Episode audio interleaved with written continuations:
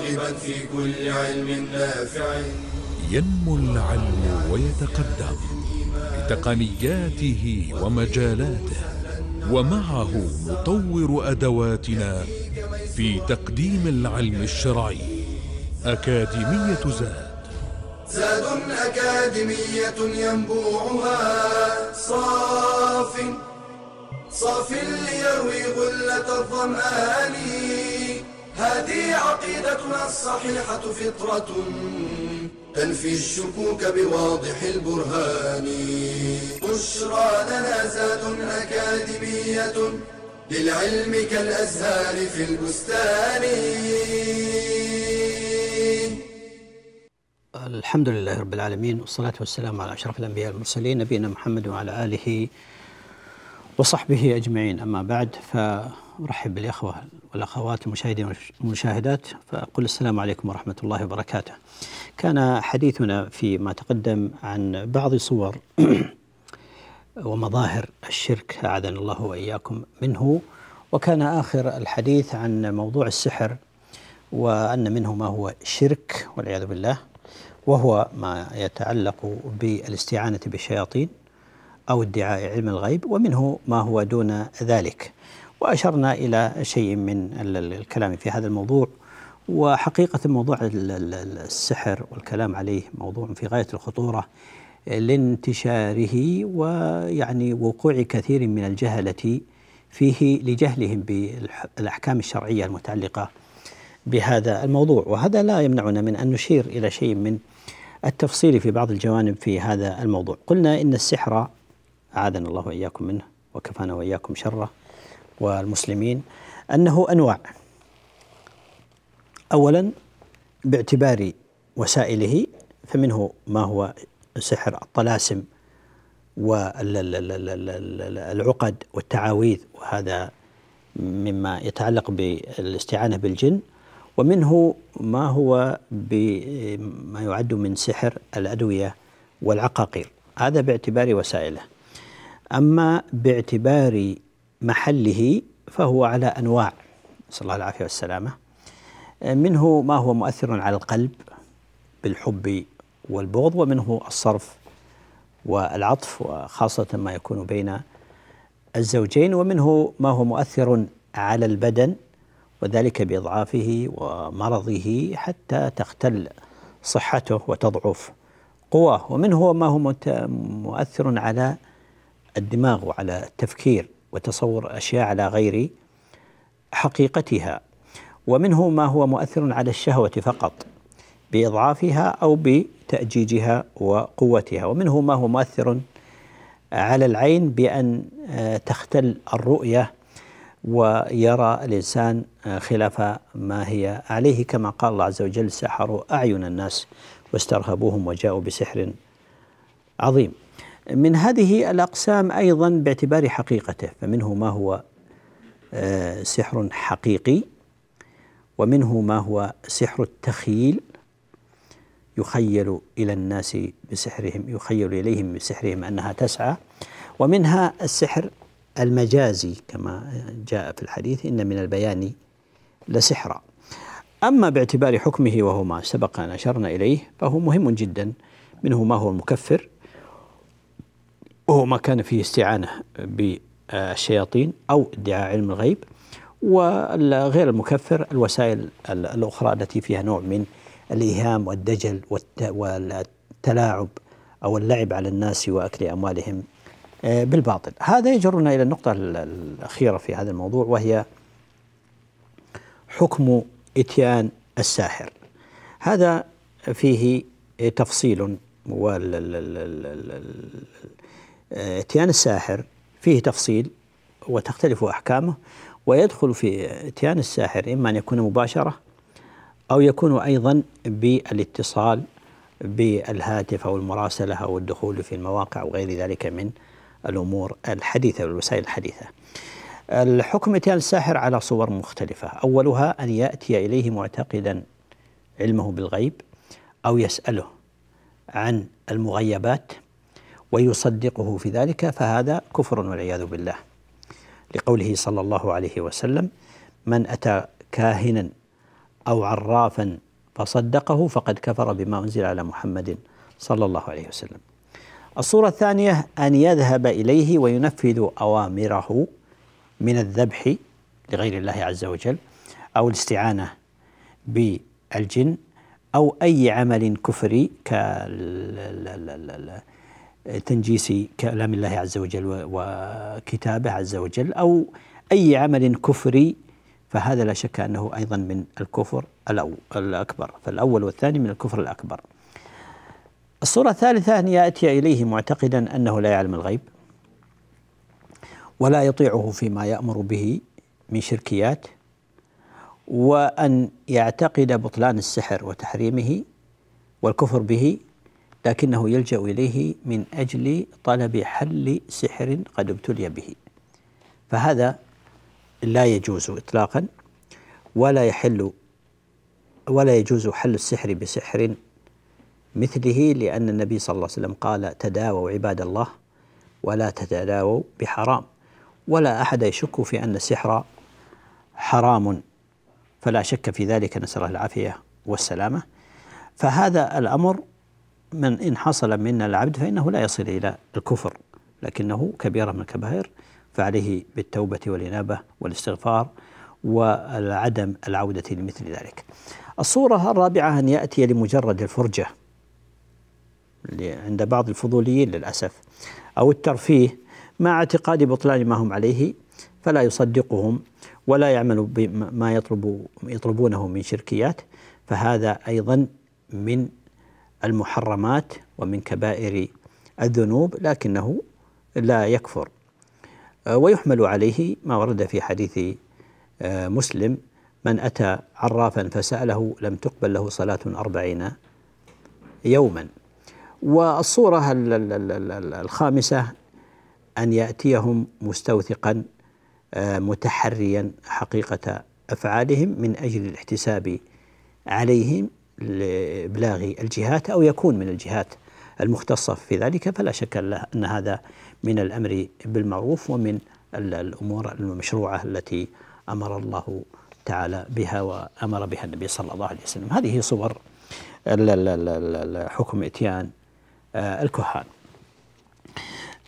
بقي أن نشير إلى بعض التطبيقات العملية والأعمال التي آه، تقع من بعض الناس لجهلهم من الصور الشركية وهي اتخاذ بعض المقدمين في الأمة المعظمين إما من آل بيت النبي صلى الله عليه وسلم أو غيرهم اتخاذهم أربابا من دون الله عز وجل في أنهم يعني يصرف لهم شيء من أنواع العبادات ويعتقد فيهم ما هو من خصائص الله سبحانه وتعالى فهذا لا شك أنه من الشرك الأكبر. وكذلك الغلو في النبي صلى الله عليه وسلم حتى يصل إلى آه، وصفه بما لا يليق إلا بالله سبحانه وتعالى كما يسمى عند بعض غلاة الصوفية بالحقيقة المحمدية ومعناها عندهم أن نبينا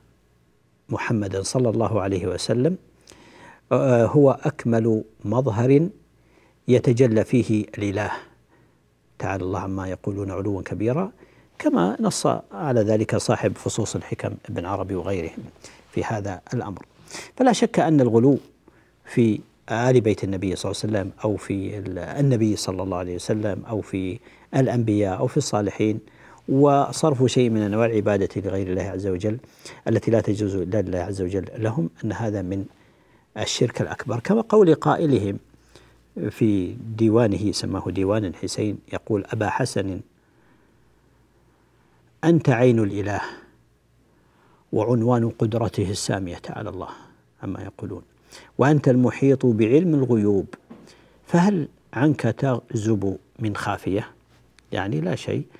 لك الأمر إن شئت تنجي غدا وإن شئت تسفع بالناصية. نسأل الله العافية والسلامة. هذه صورة من صور الغلو آه، في آل بيت النبي صلى الله عليه وسلم وهذا بلا شك أنه من الشرك الأكبر المخرج من الملة. عافانا الله وإياكم والمسلمين. آه، فاصل ثم نعود لاستكمال ما بقي في هذا الموضوع. والسلام عليكم ورحمة الله وبركاته. بشرى لنا زاد أكاديمية للعلم كالأزهار في البستان.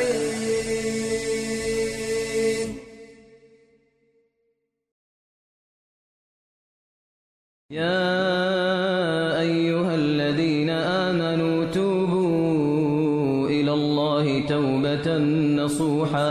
عسى ربكم أن يكفر عنكم سيئاتكم ويدخلكم جنات تجري من تحتها الأنهار. فالتوبة ممحاة الذنوب وسبيل المغفرة والرحمة بها تتنزل البركات. وتبدل السيئات إلى حسنات. قال ابن القيم رحمه الله تعالى التوبة من أفضل مقامات السالكين لأنها أول المنازل وأوسطها وآخرها فلا يفارقها العبد أبدا ولا يزال فيها إلى الممات وإن ارتحل السالك منها إلى منزل آخر ارتحل بها ونزل بها فهي بداية العبد ونهايته وحاجته إليها في النهاية ضرورية كما حاجته إليها في البداية كذلك. وحكم التوبة أنها واجبة على الفور من جميع الذنوب والمعاصي. قال النووي رحمه الله واتفقوا على أن التوبة من جميع المعاصي واجبة على الفور ولا يجوز تأخيرها. سواء كانت المعصية صغيرة أو كبيرة. وللتوبة الصادقة شروط. أهمها أن تكون خالصة لله تعالى فإن الله لا يقبل من الأعمال إلا ما كان خالصا لوجهه. ترك الذنب والإقلاع عنه بالكلية. ندم القلب على ارتكاب الذنب. العزم على عدم العودة. رد المظالم إلى أهلها. أو طلب البراءة منهم. المبادرة بالتوبة قبل الغرغرة وقبل طلوع الشمس من مغربها. ومن أهم ما يعين المسلم على التوبة النصوح استشعار قبح الذنب وضرره والتفكر في عواقبه الوخيمة في الدنيا والآخرة. التعرف على الله والتدبر في أسمائه وصفاته مما يورث في القلب خشية وتعظيما له سبحانه. تذكير النفس بالموت والدار الآخرة. شغل الأوقات بالأعمال النافعة. اجتناب رفقاء السوء. ومصاحبة أهل الدين والصلاح. مفارقة مواطن المعاصي. فالإقامة بها قد يجر إلى المعصية مرة أخرى. استدراك ما فات من حق الله إن كان ممكنا كأداء فوائت الصلاة والزكاة. الاستكثار من الحسنات وفعل الطاعات. فالله تعالى يقول إن الحسنات يذهبن السيئات ذلك ذكرى للذاكرين. قال صلى الله عليه وسلم إن الله عز وجل يبسط يده بالليل ليتوب مسيء النهار ويبسط يده بالنهار ليتوب مسيء الليل حتى تطلع الشمس من مغربها. بشرى لنا زاد أكاديمية للعلم كالأزهار في البستان. السلام عليكم ورحمة الله وبركاته. تقدم قبل الفاصل تحدثنا عن بعض الصور الشركية التي يتخذها بعض الغلاة والجهلة في المعظمين من النبي صلى الله عليه وسلم أو من آل بيته آه، رضوان الله تعالى عليهم. ولا فهذه بعض الصور التي أشرنا إليها ما ذكر في في في بعض الأبيات الشركية في دواوينهم وفي مدائحهم وفي غيرها وما يفعلونه اليوم من أماكن عبادتهم ما يشاهد في كربلاء أو في غيرها من الاستغاثة بالأموات وأهل البيت والذبح لهم وكل أنواع العبادة التي لا تكون لا تصرف لأمثال هؤلاء البشر عياذا بالله. آه، أمير المؤمنين علي بن أبي طالب رضي الله تعالى عنه قد ظهر الغلو مبكرا في آل بيت النبي صلى الله عليه وسلم. فزعموا فيه شيء من من خصائص الألوهية، فماذا كان منه علي عليه رضي الله تعالى عنه وأرضاه؟ لما بلغه آه، غلو السبائية وغلاة الروافض فيه رضي الله تعالى عنه وأرضاه استتابهم. ثم أمر آه، ثلاثا. من لم يتب منهم؟ أمر بخد أخاديد عند باب كندة وأضرم فيه النار وقذفهم فيها. وكان يقول لشدة يعني غيرته على الله عز وجل وما يليق به. لما رأيت الأمر أمرا منكرا أججت نارا ودعوت قنبورا وهو أحد مواليها الشداد في رميهم في النار. آه، اتفق الصحابة رضي الله تعالى عليهم على قتل أمثال هؤلاء ولكنهم اختلفوا في تحريقهم بالنار. وكذلك من ارتد عن دينه وأضاف إليه عملا آه، مشينا. ومدار الخلاف هو على فهم حديث النبي صلى الله عليه وسلم الذي رواه أبو هريرة رضي الله تعالى عنه. آه، قال بعثنا رسول الله صلى الله عليه وسلم في بعث فقال إن وجدتم فلانا وفلانا فأحرقوهما بالنار لشدة أذاهم للنبي صلى الله عليه وسلم وطعنهم في دين الله عز وجل.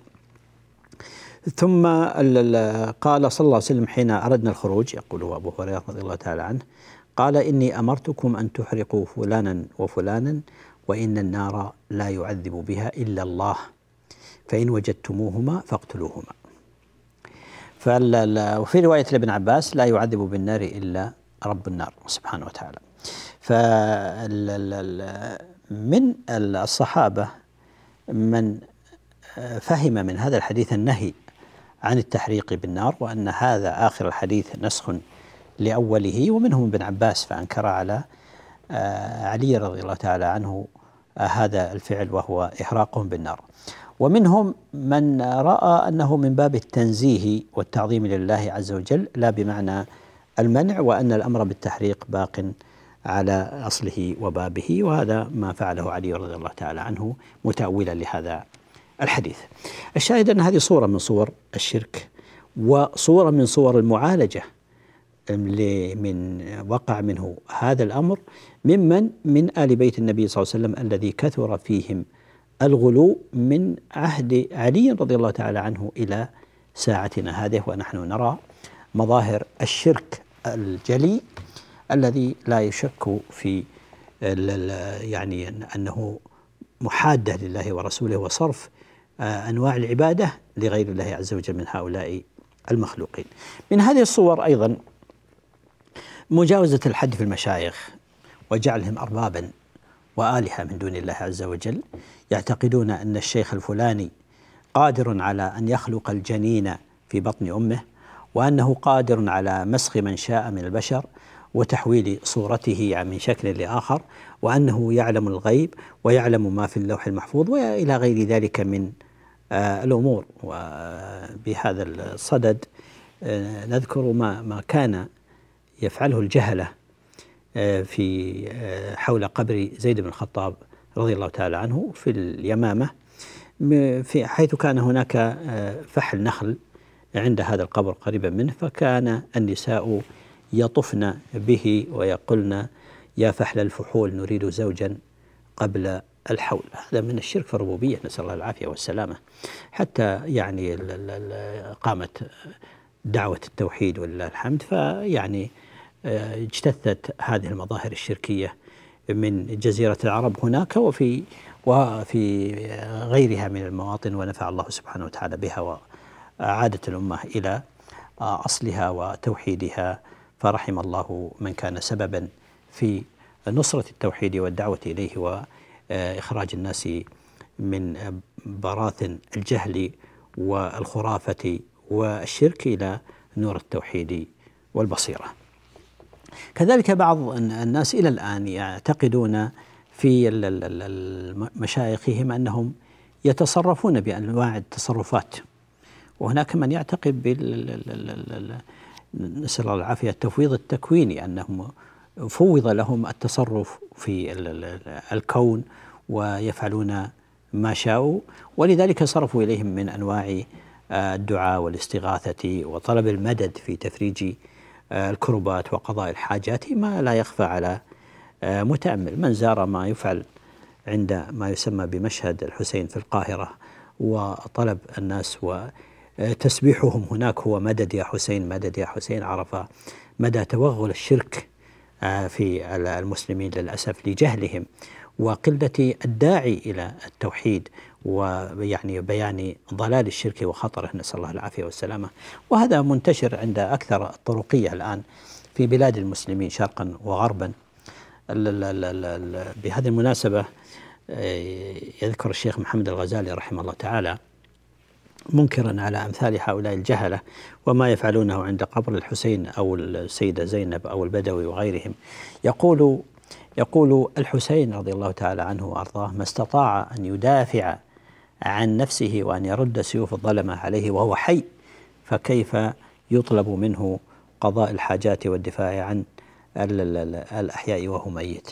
رضي الله تعالى عنه وأرضاه. ثم الحسين لا أدري هل هو في كربلاء وإلا في القاهرة وإلا في المكان الثالث والرابع فهذه من الخرافات التي عشعشت في قلوب الناس نسأل الله العافية والسلامة.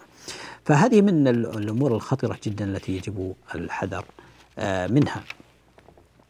ما يفعل الآن حول القبور والأضرحة والمباني عليها من دعاء الأولياء والصالحين وغيرهم يعني حتى الجيلانية والطائفة الذين ينتسبون إلى عبد القادر الجيلاني رحمه الله تعالى وهو آه، بريء آه، منهم ومن خرافاتهم ولكنه الغلو في هؤلاء الصالحين ونسبوا إليهم آه، ما لا يجوز إلا لله سبحانه وتعالى وشرك لا أقول في العبادة بل هو والإلهية بل هو في الربوبية أيضا الذي ما كان يوجد عند المشركين الذين قاتلهم النبي صلى الله عليه وسلم وسلم.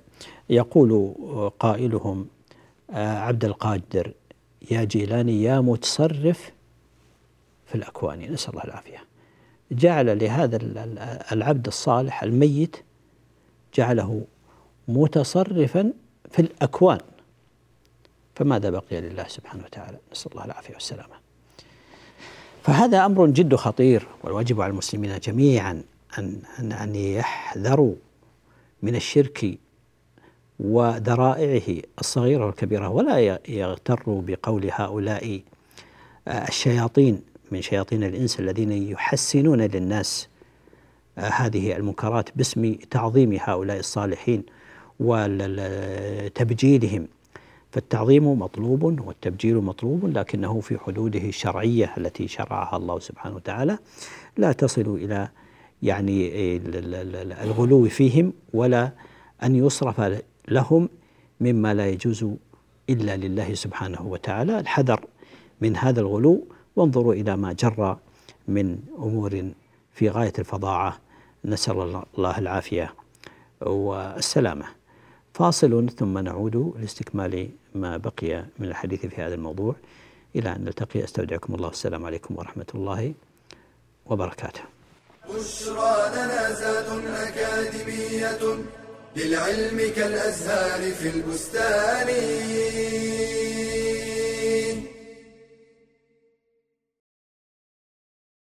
ما من أحد يدخله عمله الجنة؟ فقيل ولا أنت يا رسول الله. قال ولا أنا إلا أن يتغمدني ربي برحمة. فكل الخلق محتاج إلى رحمة الله. فإذا أردت رحمته فخذ بأسبابها واعمل بموجباتها ومن أعظمها الإيمان بالله. قال تعالى إنه كان فريق من عبادي يقولون يقولون ربنا آمنا فاغفر لنا وارحمنا وأنت خير الراحمين. ومن موجبات رحمة الله الإحسان في العبادة وإتقانها بأن تعبد الله كأنك تراه فإن لم تكن تراه فإنه يراك. والإحسان إلى الخلق والرحمة بالإنسان والحيوان. قال تعالى إن رحمة الله قريب من المحسنين. وقال صلى الله عليه وسلم الراحمون يرحمهم الرحمن. ارحموا من في الأرض يرحمكم من في السماء. ومن موجبات رحمة الله التقوى وهي أن تجعل بينك وبين عذاب الله وقاية وذلك بفعل الطاعات وترك المحرمات. قال تعالى وأطيعوا الله والرسول لعلكم ترحمون. ومنها اتباع القرآن والعمل به والاستماع إليه.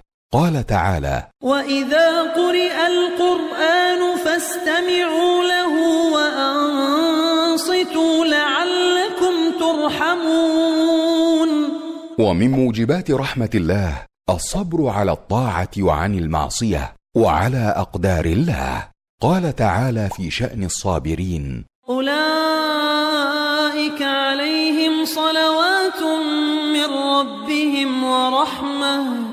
وأولئك هم المهتدون. ومن موجبات رحمة الله التوبة الصادقة مع الإصلاح. قال تعالى كتب ربكم على نفسه الرحمة أنه من عمل منكم سوءا بجهالة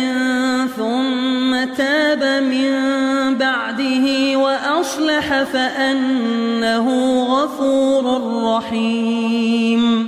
ومنها الإنفاق في سبيل الله.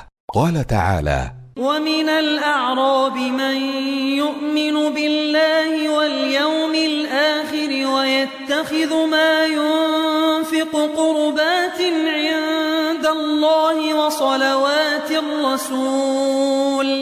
ألا سيدخلهم الله في رحمته. إن الله غفور رحيم. فاحرص على الأخذ بموجبات الرحمة وأكثر من الدعاء. قال تعالى وقل رب اغفر وارحم وأنت خير الراحمين.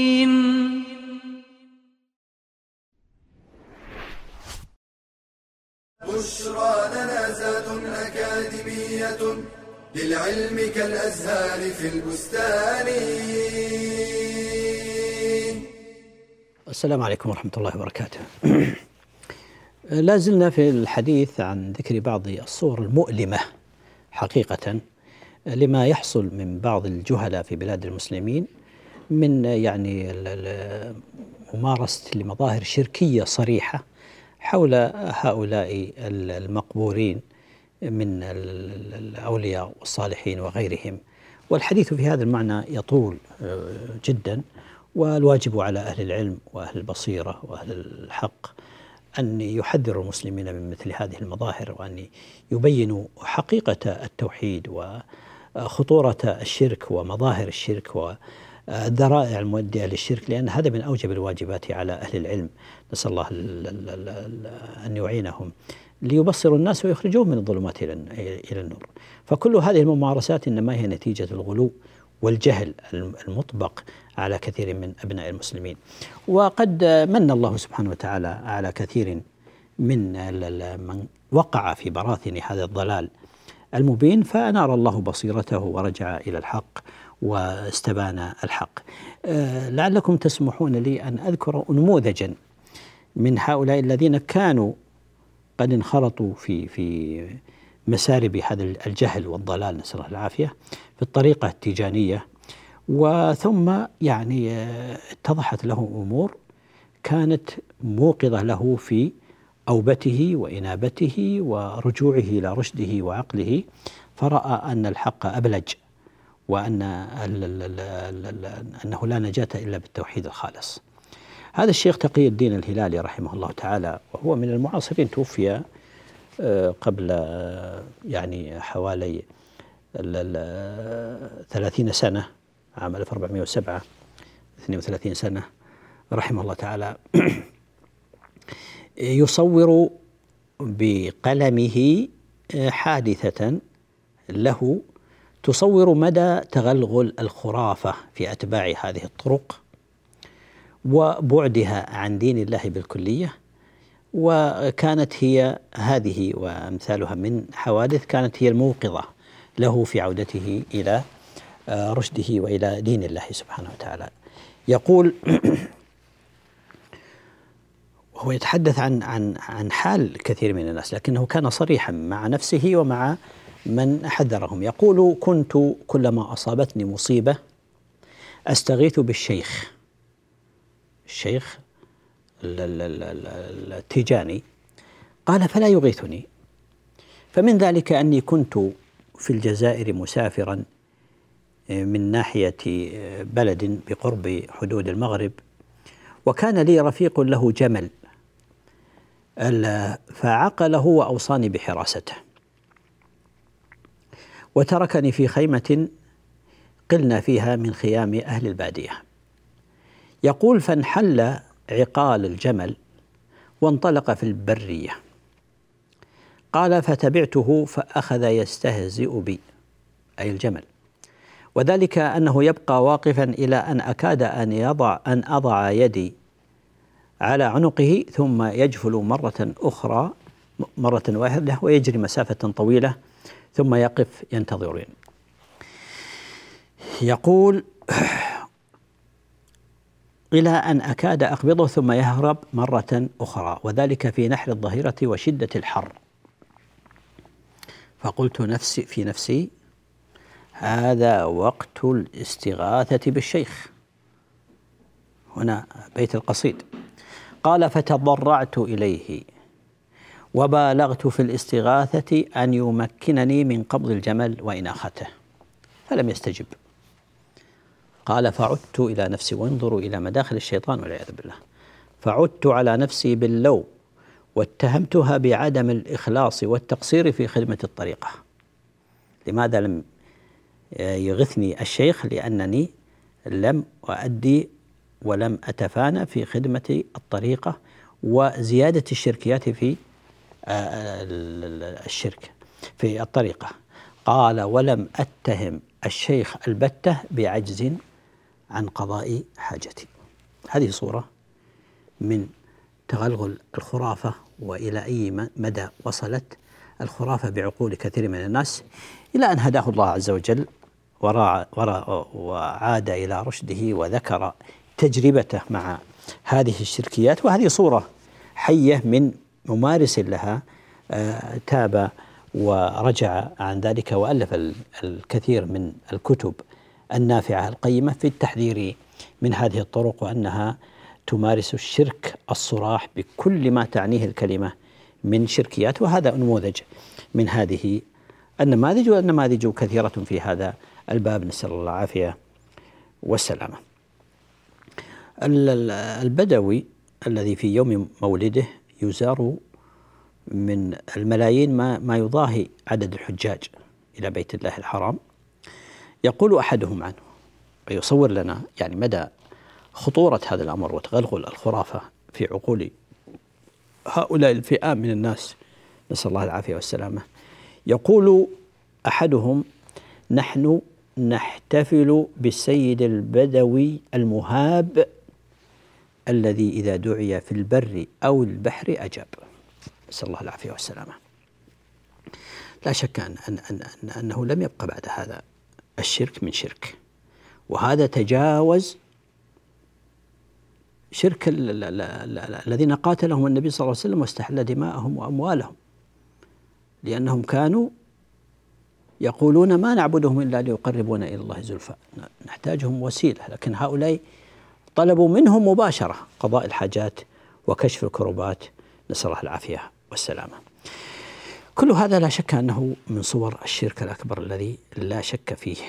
يقول الله عز وجل ألا لله الدين الخالص والذين اتخذوا من دونه أولياء ما نعبدهم إلا ليقربونا إلى الله زلفى. إن الله يحكم بينهم فيما هم فيه يختلفون. إن الله لا يهدي من هو كاذب كفار. هذه صور وواقع المسلمين اليوم حقيقة مؤلم جدا انتشار الخرافة ودعمها للأسف من أعداء الملة والدين من الصليبية واليهودية والصليبية العالمية وأهل الوثنية. آه، مكشوف ظاهر وذلك لإبعاد الناس عن دينهم والطعن في أصل أصول دينهم ألا وهو التوحيد فإذا طعن في التوحيد فعلى الدين السلام وماذا يبقى؟ وعليه فإن الواجب على المسلمين وعلى علماء الأمة وعلى طلبة العلم فيهم وأنتم منهم أن تعرفوا قدر نعمة الله سبحانه وتعالى عليكم أن أن أنقذكم من هذه براثن الجاهلية والوثنية التي تمارس باسم الدين. نسأل الله العافية والسلامة. هذا أولا. ثم أذكر نفسي وإخوتي بما يجب على أهل العلم من القيام بنشر التوحيد والدعوة إليه والصبر على الأذى فيه بالأساليب الشرعية المحكمة لإخراج الناس مما هم فيه من هذا الضلال المبين. هذه رسالتنا وهذه مسؤوليتنا وهذا واجبنا جميعا فعلينا جميعا أن نتقي الله سبحانه وتعالى فيما استرعانا من أمانة هذا العلم وتبليغه للناس وميراث النبوة ليس بالأمر السهل. فنحن مسؤولون والله عز وجل سائلنا عما استرعانا وسائلنا عن هذا العلم الذي امتن الله سبحانه وتعالى به علينا هيأ لنا سبله نتلقاه ونحن في مشارق الأرض ومغاربها. ونحن في بيوتنا بأمر ما كان يتصور ولا كان حاصلا لأحد من قبلنا هذه من نعم الله عز وجل وهذه من قيام الحجة علينا فعلينا أن نتقي الله عز وجل ونقوم بما يجب علينا في ذلك. اولا بأنفسنا بتطهيرها من أي صورة من صوائب من صور وشوائب الشرك الخفي الشرك الأصغر الشرك الذي المحقرات الذنوب وغيرها ثم بدعوة الناس إلى دين الله عز وجل الصافي النقي المحجة البيضاء التي تركنا عليها النبي صلى الله عليه وسلم. هذا واجب الجميع سائل المولى عز وجل أن يستعملنا جميعا في طاعته وأن يأخذ بأيدينا لما يحبه ويرضاه. اللهم إنا نعوذ بك أن نشرك بك شيئا ونحن نعلمه ونستغفرك لما لا نعلمه. سبحانك اللهم وبحمدك أشهد أن لا إله إلا أنت أستغفرك وأتوب إليك وأستودعكم الله الذي لا تضيع ودائعه السلام عليكم ورحمة الله وبركاته. يا راغبا في كل علم نافع متطلعا لزيادة الإيمان وتريد سهلا النوال ميسرا يأتيك ميسورا بأي مكان زاد زاد أكاديمية ينبوعها. صاف صاف ليروي غلة الظمآن. بشرى لنا بشرى لنا بشرى لنا زاد أكاديمية للعلم كالأزهار في البستان.